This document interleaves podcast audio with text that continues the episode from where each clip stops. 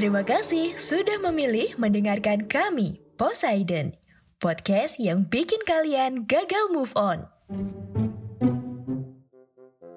Fast food atau makanan cepat saji udah jadi bagian dari gaya hidup di era modern yang serba praktis ini ya. Walaupun penuh pro dan kontra, terutama kaitannya sama kesehatan, nggak bikin jenis usaha ini tuh turun tahta ya.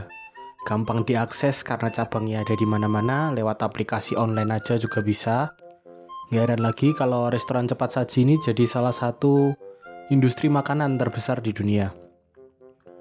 Halo dan selamat datang di konten paling random podcast sejarah Indonesia di luar kelas. Tempatnya sedang tidak jelas bersama saya Eka Arkananta. Brand-brand fast food ini terutama yang udah internasional, ini jelas sudah terkenal banget ya. Sampai bisa dibilang ikonik lah. Kehadiran cabang brand internasional ini di daerah Anda, itu bahkan bisa dijadikan indikator kalau tempat kalian tuh udah mulai dibilang kota ya. Selain nggak ada, selain bioskop sama mall biasanya. Tapi walaupun mereka adalah perusahaan multinasional yang cabangnya literally di seluruh dunia ya, kecuali Rusia sama Korea Utara kayaknya karena mereka nggak asik jadi nggak dibuka di sana. Restoran-restoran yang cepat saji itu tetap harus bikin promosi ya supaya mereka tuh tetap menarik dan tetap laku gitu, sesuai sama regionnya masing-masing. Nggak jarang mereka ngelakuin ini dengan cara ngeluarin menu yang ada kaitannya sama makanan lokal. Di Indonesia misal mereka pakai ada yang bikin bumbu rendang ada yang bikin varian nasi uduk ya. Kalau di Jepang tuh ada yang pakai bumbu teriyaki misal di India ada yang pakai bumbu kari tapi campur daging ya. Pokoknya gitulah kalian paham sendiri lah kadang-kadang juga mereka bikin promosi yang ada kaitannya sama sesuatu yang lagi happening di dunia. Misal kaitannya sama event olahraga gitu olimpiade atau piala dunia terus film kerjasama sama film terus ngambil dari budaya asing bahkan juga kerjasama sama artis ya. Kayak promosi bareng BTS kemarin misalnya yang sukses sekali mensejahterakan ojek online ya selama sekitar berapa? Seminggu lebih gitu. Tapi ada juga kemungkinan promosi ini tuh uh, kurang sukses atau bahkan menimbulkan kontroversi seperti yang akan jadi pembahasan kita kali ini. Make Africa. Namanya udah bikin ketawa ya. Dari namanya juga udah ketahuan ya ini produknya siapa ya. Adalah menu promosi yang gagal dan bisa dibilang kontroversial ya dari uh, sebuah perusahaan fast food terkenal cabang Norwegia. Makanan ini tuh terdiri dari daging sapi, keju, tomat, salad, sama roti pita ya. Jadi ini tuh dihitungnya burger gitu. Menu ini tuh dijual dengan harga 2,8 euro per porsinya. Terus masalahnya di mana? Tidak ada yang masalah dong sama burger yang terinspirasi dari Afrika ini. Yang salah adalah timing peluncuran menu ini, yaitu di tahun 2002. Yang dinilai nggak nggak tepat banget ya, karena situasi di Afrika yang saat itu nggak sedang baik-baik saja. Apa yang ada di Afrika tahun 2002? Afrika kala itu sedang mengalami wabah kelaparan, salah satu wabah kelaparan yang terbesar yang pernah dialami sama benua ini ya.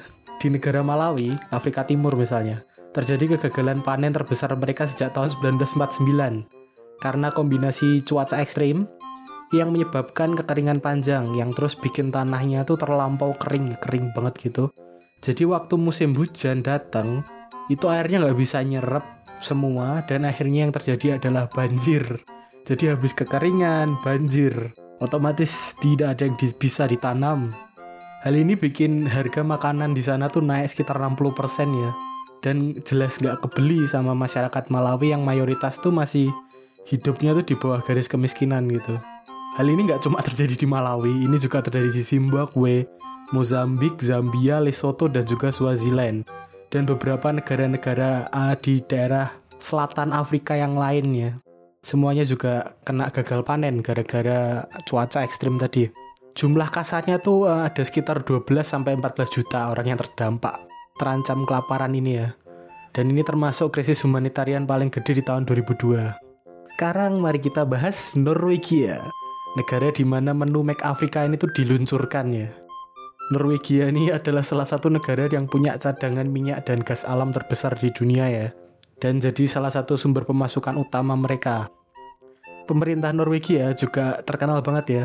Mereka tuh efektif ya buat manfaatin pemasukan ini buat meningkatkan fasilitas fasilitas di negaranya. menjadikan masyarakat Norwegia ini adalah masyarakat yang memiliki standar hidup di atas rata-rata dunia. Jadi ironis banget kan ini. Salah satu negara terkaya di dunia ya yang masyarakatnya super makmur. Ini bikin menu makannya yang terinspirasi dari daerah yang sedang mengalami krisis humanitarian berupa wabah kelaparan. Alhasil menu ini tuh dikecam habis-habisan ya sama berbagai organisasi amal sama organisasi kemanusiaan. Baik di Norwegia maupun internasional ya. Selain dikecam ini, juga jadi sorotan media internasional karena timingnya dinilai sangat tidak sensitif ya serta kesannya itu malah jadinya merendahkan gitu. Respon negatif orang-orang ini tentu saja tidak digubris sama perusahaan ini ya. Udah mahal kan mereka bikin promosi kayak gini kan mahal dan burger Make African itu tetap dijual sampai uh, sampai akhir promosinya yaitu September 2002.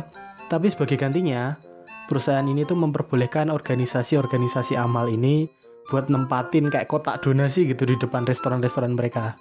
Dan perusahaan ini sebenarnya juga ngakui ya, mereka mengakui kalau pemilihan waktu mereka tuh salah dan mereka juga minta maaf tapi tidak ditarik jadi sama saja. ini ini juga agak random ya. Make Africa ini tuh juga diluncurkan ulang ya, jadi di relaunch lagi gitu buat ngerayain Olimpiade Beijing 2008. Olimpiade Beijing. di Cina, event olahraganya tuh di Cina. Tapi yang menu yang keluar malah dari Afrika ya tentu saja masyarakat juga ngeresponnya negatif ya. Jadi dari awal memang udah kontroversial sekali makanan ini sepertinya. Dan ini yang dari tadi saya kepikiran sebenarnya.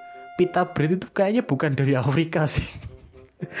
Pita bread itu kalau nggak salah asalnya dari Timur Tengah.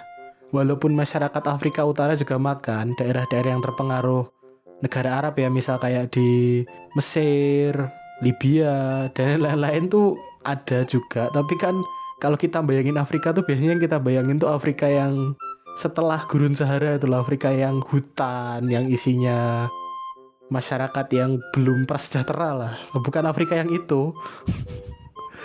Udah lah ya terserah lah ya. Pokoknya menu ini nggak laku intinya itu.